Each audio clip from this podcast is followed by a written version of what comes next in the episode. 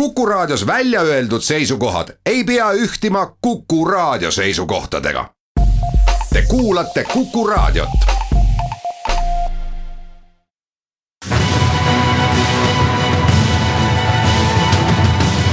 kaks ühes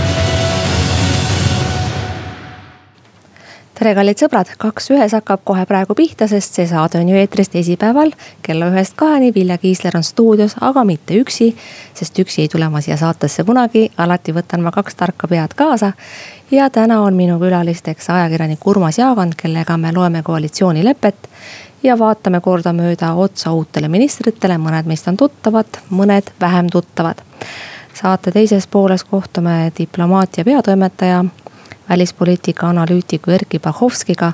et arutleda selle üle, miks alati puhkeb suur kisa lärm, kui keegi otsustab, et ta läheb Venemaale ja miks on see lärm eriti suur juhul, kui president Kersti Kaljulaid otsustab kohtuda Vladimir Putiniga.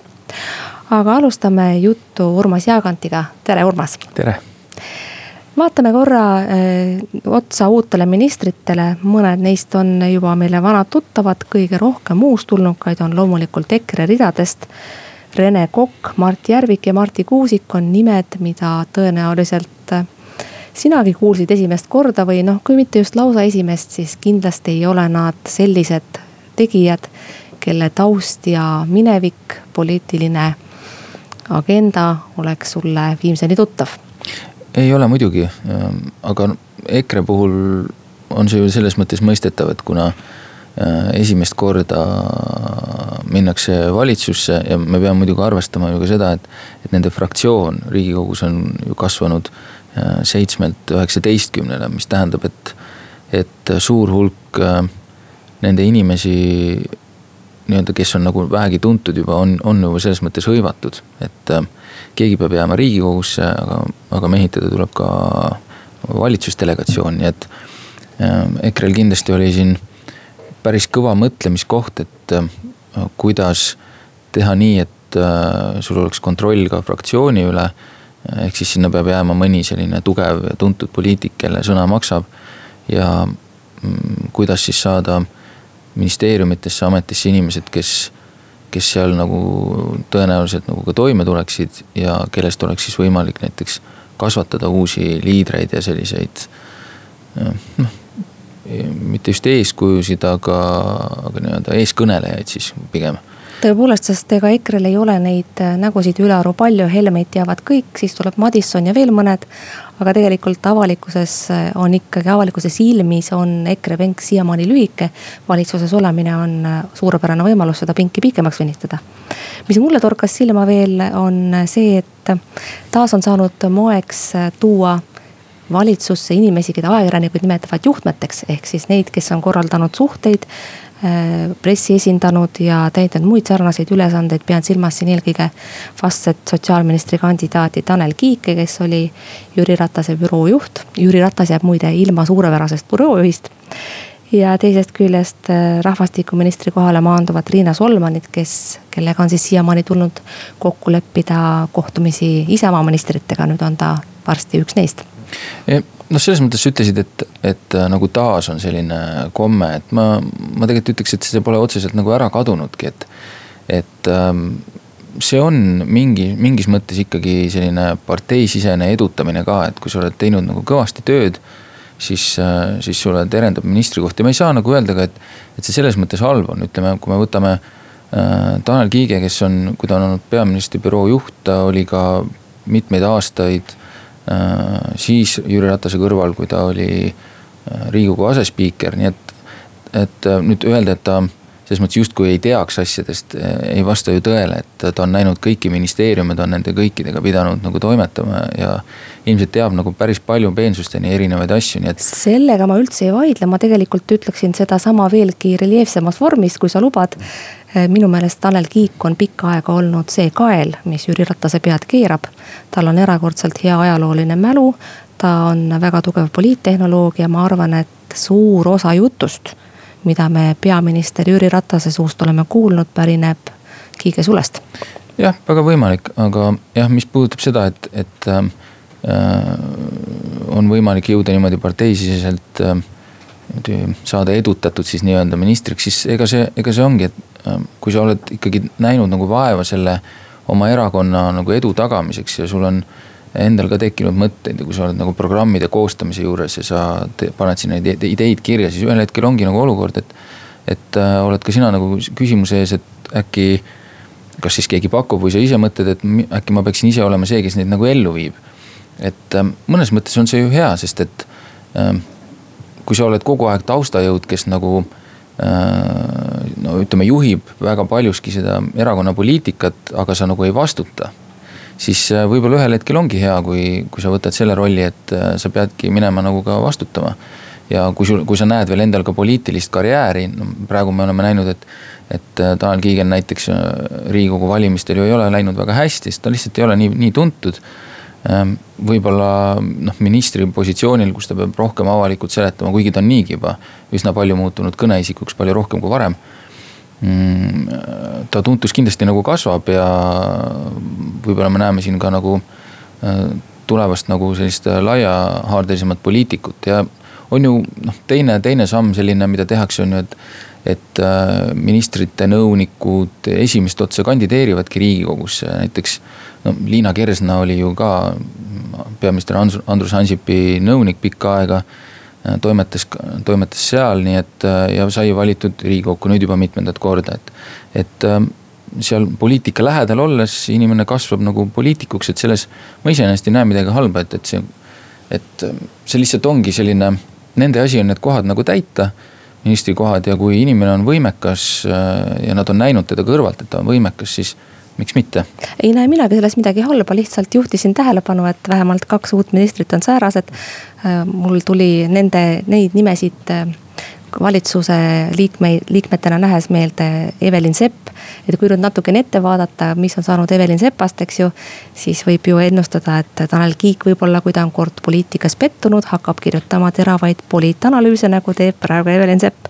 muidu, muidugi peab meelde tuletama ka seda, et on ka, on ka ju neid poliitikuid, kes nimetavad seda selliseks poliit establishment'i selliseks või poliiteliidiks, kus, mis nagu toidab iseennast ja kasvatab iseennast ja Äh, pöörleb ise seal ümber oma telje koos oma inimestega, nii et on erinevaid arvamusi sel teemal, kas, kas nii, kas nii on õige talitada? nii või teisiti, ministrid saavad valitsuses esimese valitsemiskogemuse. meie saame selle kogemuse, mismoodi nad seda teha suudavad ja ajakirjanikena ootab meid kindlasti väga huvitav aeg saamaks aru, kes on kes ja mida ta täpselt tegema hakkab. sest koalitsioonilepe iseenesest on üsnagi üldsõnaline ja ja on ju viidanud äh, nii mitmedki poliitikud, eriti EKRE omad, et tõeline töö saab toimuma ministeeriumites.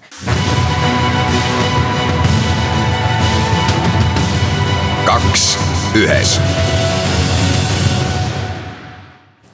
kaks ühes läheb siit kohalt edasi, head sõbrad ja Urmas Jaagant ja Vilja Kiisler hakkavad nüüd kohe lahti võtma koalitsioonilepet.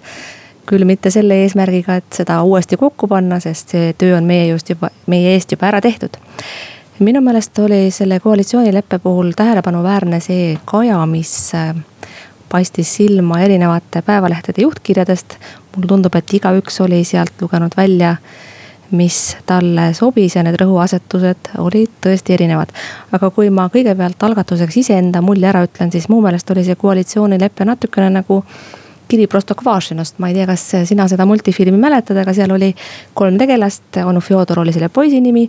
tal oli kass Matroškin ja koer Šarik ja kui nad siis kuskile sinna maale läksid otsustasid nad onu Fjodori vanematele kirja saata ja siis juhtus nõnda, et onu Fjodor kirjutas suurema osa.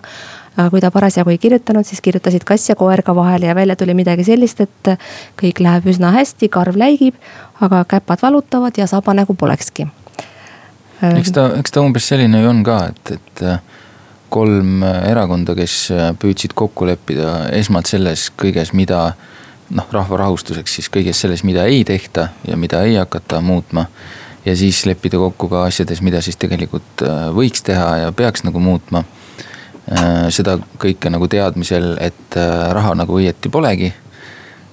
siis ma arvan, et eks ta umbes sellele nagu vastabki, et et ega need koalitsioonilepped ei ole ju noh, võib-olla okei okay,, ma teen natuke liiga, kui ma ütlen, et ei ole olnud väga konkreetsed, noh. Reformierakond muidugi paistab alati silma oma nii oma programmidega, mis on äh, sajaleheküljelised ja enamadki ja on ka olnud nende koalitsioonilepped sellised, aga. aga nojah, mida me nagu nelja aasta peale nagu oodata saame oludes, kus ikkagi tegelikult on väga palju määramatust ja selle koalitsiooni puhul ka ei ole nii kindel, kuidas see nagu täpselt nagu toimima hakkab, et ma arvan, et võib-olla olulisemgi dokument saab olema ikkagi valitsuse tegevuskava, kus, kus äh, tuleb siis kirja panna ikkagi juba vastuta-, mingi, mingi konkreetne ülesanne. kuidas selleni jõutakse, kes on vastutaja ja mis on siis see nagu tähtaeg, et. et siis me hakkame nägema nagu paremat pilti, pluss muidugi siis äh, selle valitsusel on nüüd juba ju ülesanne ka panna kokku riigieelarve strateegia ja riigieelarve et tõenäoliselt sealt siis hakkab ka natukene, me saame nagu aimu, et võib muidugi eeldada, et aastal kaks tuhat kakskümmend suuremat ei juhtu, et ähm, noh, kuna ju rahaline seis lihtsalt on selline nagu on. kuigi ma saan aru, äh, Martin Helmel, kes läheb rahandusministriks, on mingi ettekujutus, et need asjad on natuke kuidagi teistmoodi, aga no mine tea, võib-olla ongi, aga, aga praeguse seisuga paistab, et noh, võimalusi liiga palju ei ole, et et äh, selle, eks ta selle kõige tõttu selline mm,, selline on, et toetame ja vaatame ja seame endale eesmärgiks. tõhustame, aitame ja, kaasa. et mis on noh, iseenesest ega seal on ju kõikidele olulistele asjadele nagu tähelepanu juhitud, et midagi.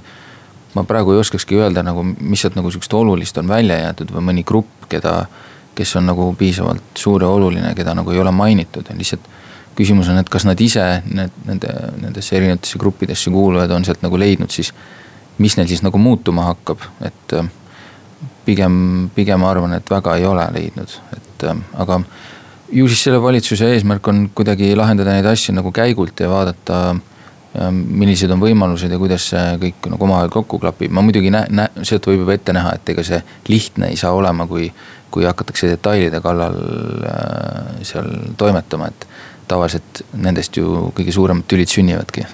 Jüri Ratas on neid koalitsioonikõnelusi selles mõttes edukalt ohjanud, et äh, seal läbirääkimiste käigus on olnud nii mõnedki hetked, kus tüli tahab majja tulla ja, ja inimesed tahaksid laua tagant püsti tõusta. aga ma mõtlen, kui nüüd see valitsus hakkab tööle, kaua viitsib Jüri Ratas seda vabandavat rolli või äh, noh, sellist kooshoidvat rolli etendada, sest äh, olgem ausad, ega tal ülearu mugav selle valitsuse peaminister pole olla. tekib küsimus, et äh, kaua ta võiks tahta täita seda EKRE peaministri rolli? ma ei tea, minul, sest seni ametis olnud valitsusest on mul küll jäänud mulje, et äh, selliselt tänavakeeles väljendudes on Jüri Ratasel ikka hobusekannatus, et äh, ta on väga palju noh, mõne, mõningad varasemad peaministrid oleks äh, ilmselt ammu, ammu juba läinud näost punaseks ja kärkinud ja vihastanud, et tema on selle kõik rahulikult ära kannatanud, et. et ju ta suudab seda ka edasi teha, küsimus on jah, et, et kas tal nagu on seda vaja, et äh, praegu tal on kindlasti seda vaja ja äh, esimese nagu entusiasmi pealt, mis neil kindlasti kõigil on, ei näe ma ka, et mingit probleemi võiks tekkida, et äh, kui midagi tekib, siis ilmselt nagu hiljem. et ähm, tema enda, noh, tema enda nagu näidata on, et see valitsus on nagu töövõimeline, et eks sellest ju mingil määral sõltub ka tema tema edukus ka erakonna sees, et äh, kõik ju saavad aru, et on võtnud hulgaliselt riske selle, seda valitsust kokku pannes ja tema asi on nagu näidata, et see, et see nagu, et see risk on ennast õigustanud, nii et selles suhtes muidugi see ei saa see olema kerge ja, ja noh, küsimus, et kaua ta seda jaksab. ma arvan, et tema ise jaksaks nagu lõpuni välja, aga. no eriti arvestades seda, et äh, tegelikult suuresti sündiski see koalitsioon ju Jüri Ratase soovist iga hinna eest peaministri koht säilitada seda on niimoodi hinnatud jah, et ega me täpselt kõiki nüansse ei tea, et kas, kas see tema jaoks nagu lõpuni nii oluline sai olla, noh miski nagu minus ütleb, et. et äh, see tundub nagu vähe, kui, kui me vaadata, mis see ühiskonnas kõik kaasa on toonud ja mida see eeldatavalt veel edasi võib kaasa tuua, siis mulle tundub, et ainuüksi sellest nagu jääb vähe, aga noh, inimest ju ei tunne lõpuni, et. et kas, kas see tõesti nii saab olla, aga võib-olla saab. aga noh, kui sa ütlesid, et, et seal on nagu selliseid lõhki minemise või piiri peal kohti olnud, kus need asjad justkui võiksid kraavi joosta, siis. jälle selle leppe juurde tagasi tulles, sealt ma vaatan, et sealt küll ei paista, kõik on kõik on nii kenasti ära sõnastatud ja need, mida ei saanud sõnastada, need jäetigi sõnastamata.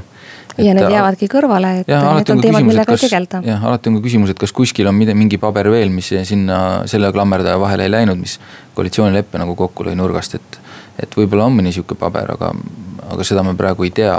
aga selle dokumendi järgi küll tundub, et, et noh, millegi üle seal nagu suurt sellist sõda pidada võib-olla, võib-olla ei olnudki, kõige vast kõige detailsemalt lahti kirjutatud ongi, mis puudutab seda pensionisamba asja ning siis seda rahvahääletuse asja, kus me näeme, kus on tõesti ka koalitsioonileppes lausa sees mingid numbrid, mida sealt nagu väga palju ei leia see rahvaalgatuse plaan iseenesest on äh, võib-olla üks selliseid Eesti demokraatiale pikema, kõige pikema mõjuga asju üldse. noh, kui me nüüd jätame praegu kõrvale justiitsreformi, sest sellest me ka ülearu palju ei tea.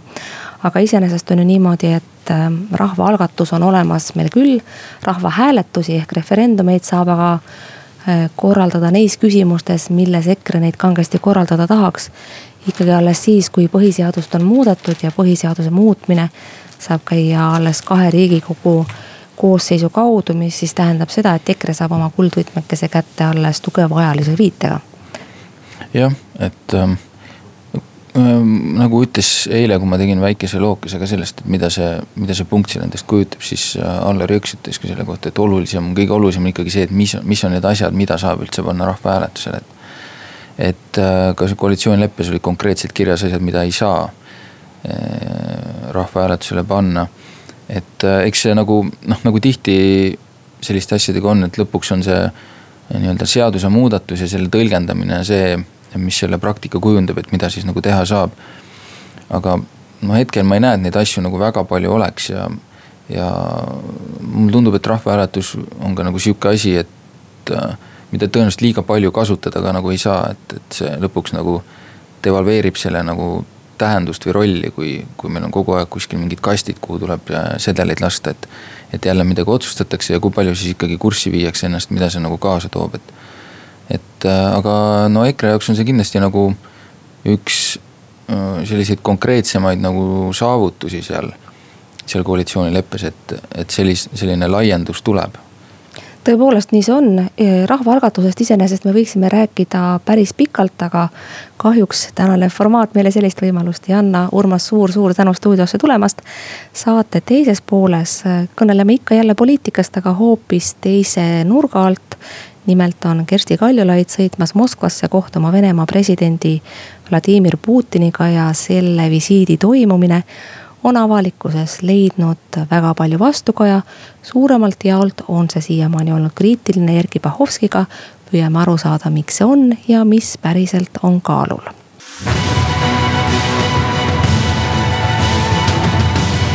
kaks ühes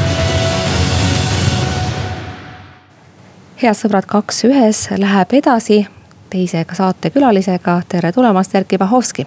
Tere päevast.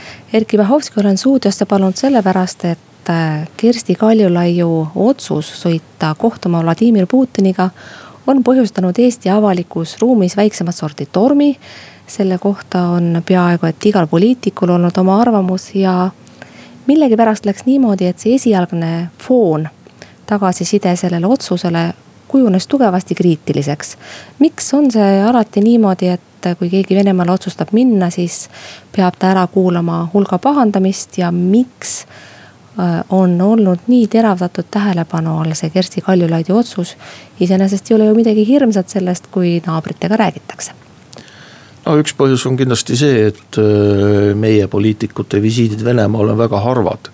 et see ei ole mingi rutiinne külastus, et noh, kui me võrdleme seda kasvõi minekuga Brüsselisse siis äh, Moskvasse minnakse ikka äärmiselt harva ja noh, eriti harva presidendi tasemel, et noh, selles mõttes on see loomulik, et see. selline käik äh, Moskvasse tekitab äh, vaidlusi. ja noh, ma ütleks ka niimoodi, et, et on jõude ja inimesi, kes presidenti niikuinii kritiseerivad. noh, selles mõttes, et kui president ei läheks Moskvasse, siis saaks ju öelda, et miks president laseb nii-öelda soikuda Eesti-Vene suhetel, miks ta midagi ei tee. nüüd, kui ta läheb, siis on jälle pahandus, et, et ta ajab mingit oma välispoliitikat ja, ja, ja ja on siis viidatud sellele, et, et üritab tekitada mingisugust läbimurret, mis on muidugi nonsenss. ja noh, mõned käremeelsemad ütlevad ka siis seda, et ta tahab Eestit Moskvale maha müüa või teha mingisuguseid ennekuulmatuid järeleandmisi.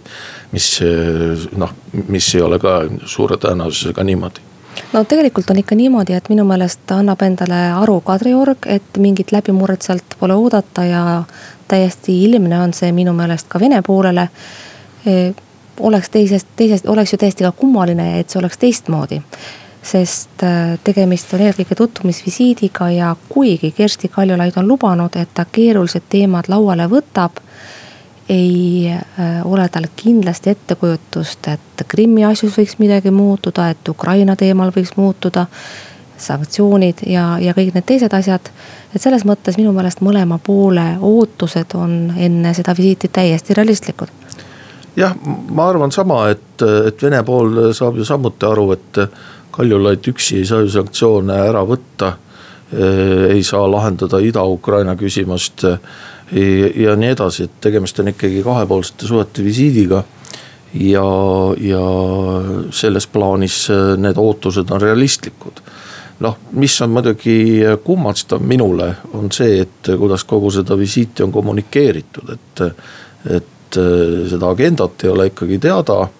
ja alguses räägiti sellest, et äh, alguses räägiti ju ilma presidendi visiidita sellest, et äh, Moskvas avatakse renoveeritud saatkonna siis hiljem tuli sinna nagu nii-öelda joonealusena juurde veel teade, et president läheb Moskvasse ja siis sellele lisandus veel see, et president kohtub Putiniga õigemini tahab kohtuda Putiniga ja Vene pool on siis vastanud öö, soostuvalt, et jah, et Putin on nõus kohtuma Kaljulaidiga.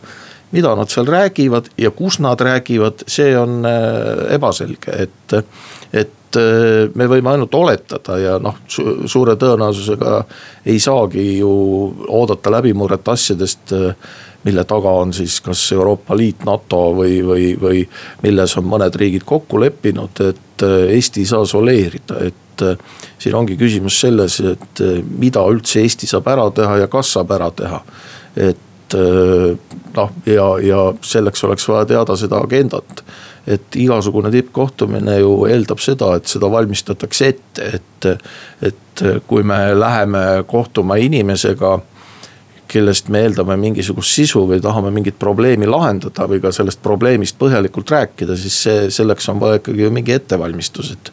me ei lähe ju sti, stiilis sinna, et noh, küsima, et tšau, mis teed ja kuidas läheb, et. et natuke oleks vaja ikkagi natuke seda eh, tausta teada, et eh, ma võrdleks seda natuke ja noh, see võrdlus on muidugi mõnes mõttes ebaõige, aga võrdleks seda eh, Singapuris peetud Donald Trumpi ja Kim Jong-uni kohtumisega, et siis oli samamoodi, räägiti sellest, et. et see kohtumise teade tuli väga suure üllatusena paljudele. väga paljud muretsesid selle pärast, et ei olnud see kohtumine piisavalt ette valmistatud, sellepärast et sellise kohtumise ettevalmistamine võtab ikkagi küllalt kaua aega. ja oli siis ka küsimus selles, et kas see läbimurre tuleb ja mingisugune deklaratsioon tuli ja kui me nüüd vaatame tagantjärele, kas siis oli mingisugust kasu sellest kohtumisest noh reaalselt, et kas nagu Korea poolsaar siis muutus tuumavabaks ja, ja ja tuuma desarmeeriti, siis me ei ole siiamaani mingisugust sellest käegakatsutavat tulemust näinud, et, et ja, ja noh, ongi küsimus siis praegu selles, et kas see kohtumine Moskvasse on lihtsalt kohtumine või siis pannakse alus millelegi enamale, et, et äh, noh, ma arvan, et kõige reaalsem oleks või noh, see on võib-olla ka väga optimistlikult loodetud, aga. kõige reaalsem oleks see, et pannakse alus mingisuguse kohtumiste formaadile Kaljulaid võiks... ja Putin võiksid ka edaspidi kohtuda. noh, see võiks toimuda ju siis äh, sarnaselt äh, nagu on toimunud Soomega, eks ole, et Niinistö ja Putin on omavahel kohtunud regulaarselt, nagu ma aru saan, siis. järjest avatumalt nad üksteisega kõnelevad, seal on selline teatav teineteise tunnustamine sellesse formaati juba sisse kirjutatud. kuna Eestil on olnud Vene suhetes selline otsekohtumiste puhul selline pikem paus, siis äh, ma, ma mõistan seda niimoodi, et äh, seda nähaksegi teatava tutvumisvisiidina mäletatavasti Kaljulaid ja Putin on ju kohtunud tõepoolest küll ainult ühe korra ja vahetanud mõned sõnad. et selles mõttes ma tegelikult ei kahtlustaks, et see visiit on halvasti ette valmistatud. küllap on äh, diplomaatilisi kanaleid pidi seda tööd tehtud ja välisministeeriumi kaudu samamoodi. teisest küljest on ilmne ka see, et et äh, Putini käitumine on ettearvamatu. see on midagi, milleks Kaljulaid kindlasti peab valmis olema ja milleks on pidanud valmis olema kõikide riikide pead, kes Putiniga ühe laua taga istuvad ja noh, loomulikult ja noh, on ju läbi tilkunud ka neid igasuguseid mälestusi ja meenutusi kohtumistest Putiniga ja. ja see lihtne see kindlasti ei ole, et ja noh, me võime siin spekuleerida, et kuna mingisugust nagu kindlat agendat ei ole ju antud, et siis eh, ei ole ju ka imestada, et need kuulujutud ja spekulatsioonid tekivad aga me võime ka natuke spekuleerida veidi julgemalt võib-olla eh, selle kohtumise küsimuses, et eh, kui sa viitasid siin diplomaatilistele kanalitele, siis ilmselt see niimoodi on. ja võib ka olla, et et, et ka Vene pool küsis või palus, et Eesti pool ei teeks seda agendat avalikuks või ei räägiks, millest räägitakse, et see oli nagu selle kohtumise öö, toimumise eeltingimuseks näiteks. ma võin seda ainult oletada, aga, aga kui mingisugust informatsiooni, ametlikku informatsiooni ei ole, siis, siis öö, ei ole ju midagi imestada, et ajakirjanikud ja poliitikud ka oletavad tõepoolest ja ma pean tunnistama, et ka ajakirjanikel on tegelikult olnud väga keeruline selle visiidi kohta infot saada. minu kolleegid, kes on Kadrioruga suhelnud, on juukseid kitkunud, sest vastuseid ei tule ja kui nad tulevad, siis nad on väga ebamäärased. ühest küljest võib seda tõepoolest mõista, sest selliseid kohtumisi ei lepitagi kokku ajakirjanduse vahendusel ja ammugi ei kujutata, ei kujundata neid päevakorrapunkte seal ajakirjanduse vahendusel aga täitsa selge on ka see, et avalikkuse huvi selle visiidi vastu on erakordselt suur ja sellega noh, võiks kantselei jõudumööda arvestada, ma arvan, ta arvestabki. aga ta arvestab sellega nii jõudu kui ka võimalust mööda. muide, Leedu ja Läti president on mõlemad öelnud, et nemad ei läheks Venemaale. Eh, miks see nii on? noh, ma arvan, et eh, Leedu ja Läti eh, võib-olla mõtlevad sellele, et nende visiidid äh, löövad mõra Euroopa Liidu ühtsesse välisjulgeolekupoliitikasse. Äh, ka sellel tasemel, kui see üldse eksisteerib.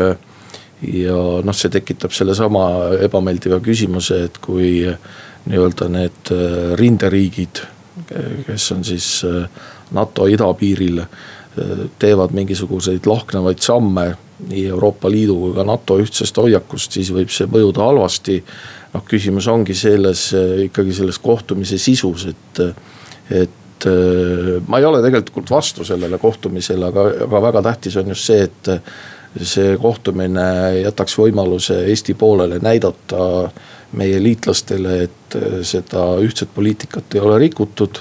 ja et see kohtumine ongi kohtumine naabrite vahel ja selles mõttes ei ole midagi ka imelikku mulle tundub, et äh, sellist kahtlust äh, on püüdnud küll nüüd Kadriorg ja Kersti Kaljulaid omalt poolt ka hajutada. ta on väga selgesti väljendanud, et äh, ta läheb sinna kõnelema kui NATO-sse ja Euroopa Liitu kuuluva riigi pea, kes kõneleb kindlalt väärtust platvormilt, millelt taha või, või millelt maha ei astuta ja no kahtlemata siin on ka erinevus Soomega, Soomest, et, noh, Soome ei ole NATO riik. et ja, ja Eesti on NATO liige ja Eestisse on tõesti toodud äh, liitlasvägesi. et see on kindlasti see olukord, mis oli ka erinev võrreldes äh, selle ajaga, kui Eesti president kohtus Vene presidendiga viimast korda, et see nii-öelda see üldpoliitiline sõjaline olukord on muutunud. rääkimata muidugi äh, Krimmi annekteerimisest Venemaa poolt ja siis sõja mahitamisest Ida-Ukrainas, et. et selles mõttes on see Eesti nii-öelda, kuidas ma ütlen siis see koht märksa teistsugusem kui Soome koht tõepoolest ja on ka täitsa selge, et ühe kohtumise järel ei hakka Venemaa meisse suhtuma nii, nagu ta suhtub Soomesse. aga läheme jutuga siit edasi pärast seda, kui me oleme kuulnud ära need reklaamid, mis saate formaadi kohaselt just praegu kõlavad.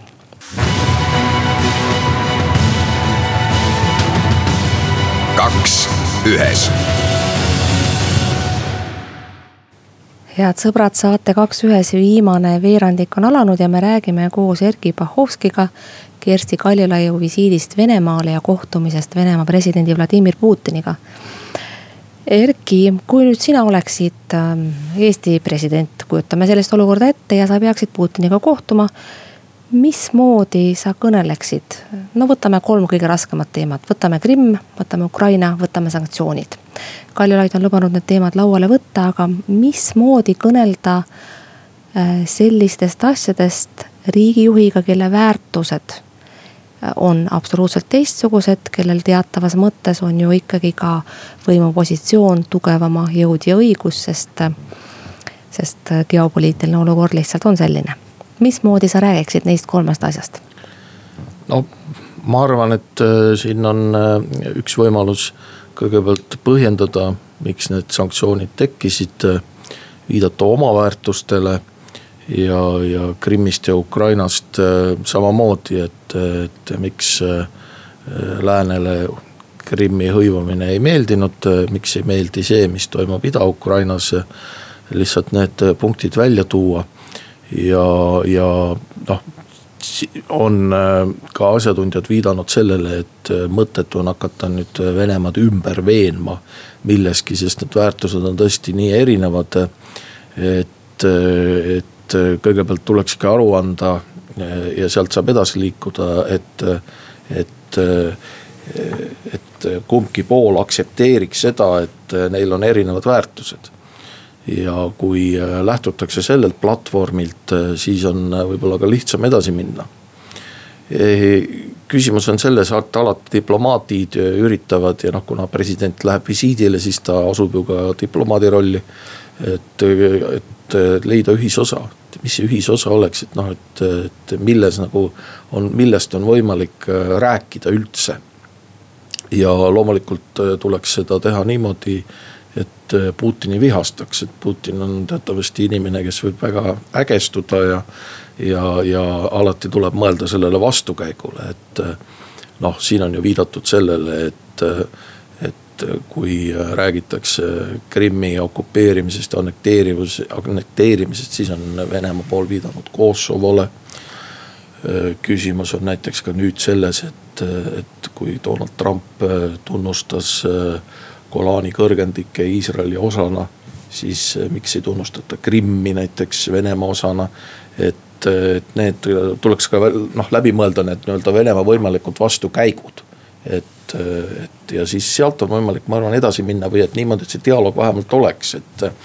ja noh, teine, teine küsimus on ka see, et ega Kaljulaid ei saa rääkida terve Euroopa Liidu nimel, ta saab lihtsalt edasi anda Euroopa Liidu positsiooni see, see, et keegi räägiks Euroopa Liidu nimel, selleks on vaja ju kindlat mandaati mingisugusel kujul on see mandaat olemas Euroopa Liidu kõrgel välisesindaja Federica Mogherinil. ja noh, Kaljulaidil seda mandaati ei ole, et Kaljulaid saab ikkagi opereerida nendes raamides, mis tal on Eesti presidendina. see on täitsa selge. Selliste kohtumiste juurde on vahel kuulunud Putini poolt ka erakordselt ebameeldiv käitumine et kui ma nüüd kujutan ette Kersti Kaljulaidi minemas temaga vis-a-vis kohtuma, siis mul meenub alati garanteeritult see kohtumine Angela Merkeliga, millele Putin võttis kaasa oma hiiglasuure koera. teadmises, et Angela Merkel koeri kardab. ja see on noh, see on midagi nii hirmsat, millega noh, võib-olla inimlikult väga keeruline toime tulla kuivõrd oleks Kersti Kaljulaidil midagi säärast karta, noh, ma ei mõtle nüüd konkreetselt sama asja, aga, aga midagi võrreldavat? ma arvan, et valmis peab olema kõigeks jah. Äh, ehkki äh, noh, tuleb ka aru saada, et Merkel on ikkagi äh, teise kaalukategooria poliitik, et ta esindab ikkagi Saksamaad ja suures osas ka Euroopa Liitu, et just tänu Merkelile need sanktsioonid said teoks ja siit võis tulla ka selline väga valuline reaktsioon. Kaljulaidil ju sellist kaalukategooriat ei ole, et noh, selles mõttes Venemaa ei pea kohe nii-öelda eos hakkama üle reageerima et äh, selles plaanis ma ei usu, aga noh, Kaljulaid peab muidugi valmis olema ja, ja noh, kogu selleks üldse ürituseks, et. et kui me rääkisime siin äh, enne pausi sellest, et, et me ei tea agendat ja noh, väga oluline ja sellele on juba viidatud ka, et väga oluline on siis see, et Vene pool ainult ei täidaks siis seda agendat, et. et meie ise ka ja selleks kõigeks peab Kaljulaid valmis olema kuivõrd palju on sellistel kohtumistel üldse ruumi improvisatsiooniks, ma olen, ma kujutan ette, et see käib umbes nõnda, jutupunktid lepitakse ikkagi kokku. mõlemalt poolt on need raamid üsna ranged, aga samas omavahel kohtuvad kaks inimest, kes vaatavad teineteisele otsa ja räägivad teineteisega. kuivõrd seal üldse on ruumi improvisatsiooniks? ja, ja noh, see, see sinu lause, et vaatas, vaatavad teineteisele otsa, see meenutas kohe seda George Bush noorema vaatamist Putini silmadesse seal ja hinge leidmist seal, aga.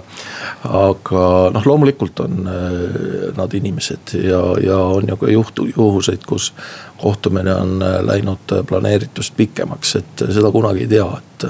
ja see ongi just see, et mis see ühisosa võiks olla või on leitud mingisugune noh, Putinil ju ikkagi on äh, ka Eestiga sidemed, no ma ei mõtle ainult seda tema traagilist isa lugu, eks ole. Äh, kes siis äh, sai, kes siis pääses napilt teises maailmasõjas ja kelle väidetavalt olid siis reetnud eestlased, eestlased olid siis selle Putini isa sakslastele välja andnud, aga no Putinil on ju ka meenutusi Eestist ju ikkagi sellest ajast, kui ta töötas Anatoli Tšoptšaki abilisena ja, ja noh, sealt pinnalt võiks ju nagu midagi tekkida, ma eeldan, aga, aga seda on väga, väga keeruline ikkagi prognoosida, jah paneme saate lõpetuseks äh, selle äh, kohtumisega sellisesse teatavasse laiemasse konteksti ja teisest küljest kaasame sellesse ka Eesti sisepoliitika. teatavasti on sündimas uus valitsus kolme erakonna, Keskerakonna, EKRE ja Isamaa vahel. ja esimest korda on Eesti valitsusse pääsemas partei, mida välismeedia on selgelt äh, iseloomustanud kui paremäärmuslikku ja radikaalset, suhtunud sellesse erakordselt kriitiliselt. samas Kreml on omakorda Euroopas soosinud paremäärmuslike parteide tegevust, olnud neile toeks nii nõuga, jõuga ja mõnel juhul ju isegi rahaga. kuivõrd siis võiks olla e, Eesti uus tekkiv valitsus Kremlile meeltmööda ja missuguse tausta võiks see omakorda luua sellele kohtumisele Kersti Kaljulaidi ja Putini vahel? no kui väga spekuleerida, siis teatud lõks peitub ja see lõks on selles, et Putin ütleb sellel kohtumisel, et.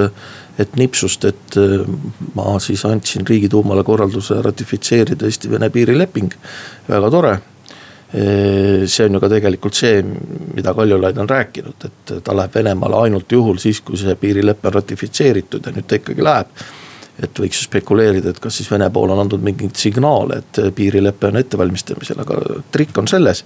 et seda piirilepet ei ratifitseeri praegune riigikogu, meil sest äh, riigikogus on enamuses äh, erakonnad, kes on selle Eesti-Vene piirileppe vastu ja siis me jääme jälle lolliks tõepoolest nii see on.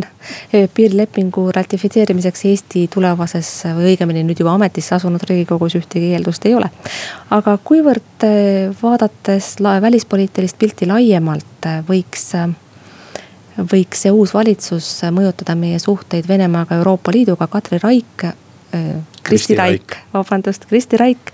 eile Postimehe stuudios ütles, et võib tekkida olukord, kus meie liitlased enam meiega väga tegemist teha ei tahagi kui Eesti on muutunud selliseks isekaks ja tülikaks väikeriigiks Venemaale, see võib-olla sobib. Euroopa Liidus ja NATO-s kindlasti mitte no siin on jah probleem selles, ma ei usu, et see Eesti seisukoht Venemaa suhtes muutub väga palju, et. aga probleem võib tekkida selles, et need meie huvid, et Euroopa Liit oleks suhetes Venemaaga võimalikult ühtne. et need meie huvid võivad sattuda löögi alla, et kui ma siin loen nagu avaldusi, et et me hakkame Euroopa Komisjoniga protsessima Eesti eelarve pärast ja me siin hakkame piike ristama. siis on selge, et see kuskilt tuleb see vastureaktsioon, et, et öeldakse, et ahaa, et noh, et okei okay,, et tehke siis oma eelarvet ja laenake ennast lõhki, aga siis me järgmine kord teid ei toeta Venemaa küsimuses, et. et noh, sellised äh, kauplemised võivad siin äh, tekkida tõepoolest, see on teema, millel tahke on palju ja rääkida võiksime pikalt aga meie saateaeg hakkab otsa saama, Erkki Bahovskile suur tänu stuudiosse tulemast. visiidi üle Venemaale võite nüüd edasi mõelda ise ja lugege kindlasti ka selle kohta käivaid tekste, päris häid arutlusi on ilmunud kui te aga ei kuulnud saadet otsast peale, siis olge nii lahked ja minge Kuku raadio arhiivi. sest ma kujutan ette, te tahate teada saada, mida me rääkisime Urmas Jaagantiga koalitsioonileppest, mida me võrdlesime siin kirjaga Rostok-Vašinost. Ja rääkisime mõned sõnad ka uutest ministritest. nii et ähm, saate seda arhiivist järele kuulata, järgmine saade otse nagu täna on eetris täpselt nädala pärast ja siiski on stuudios Vilja Kiisler. Kuulmiseni, nägemiseni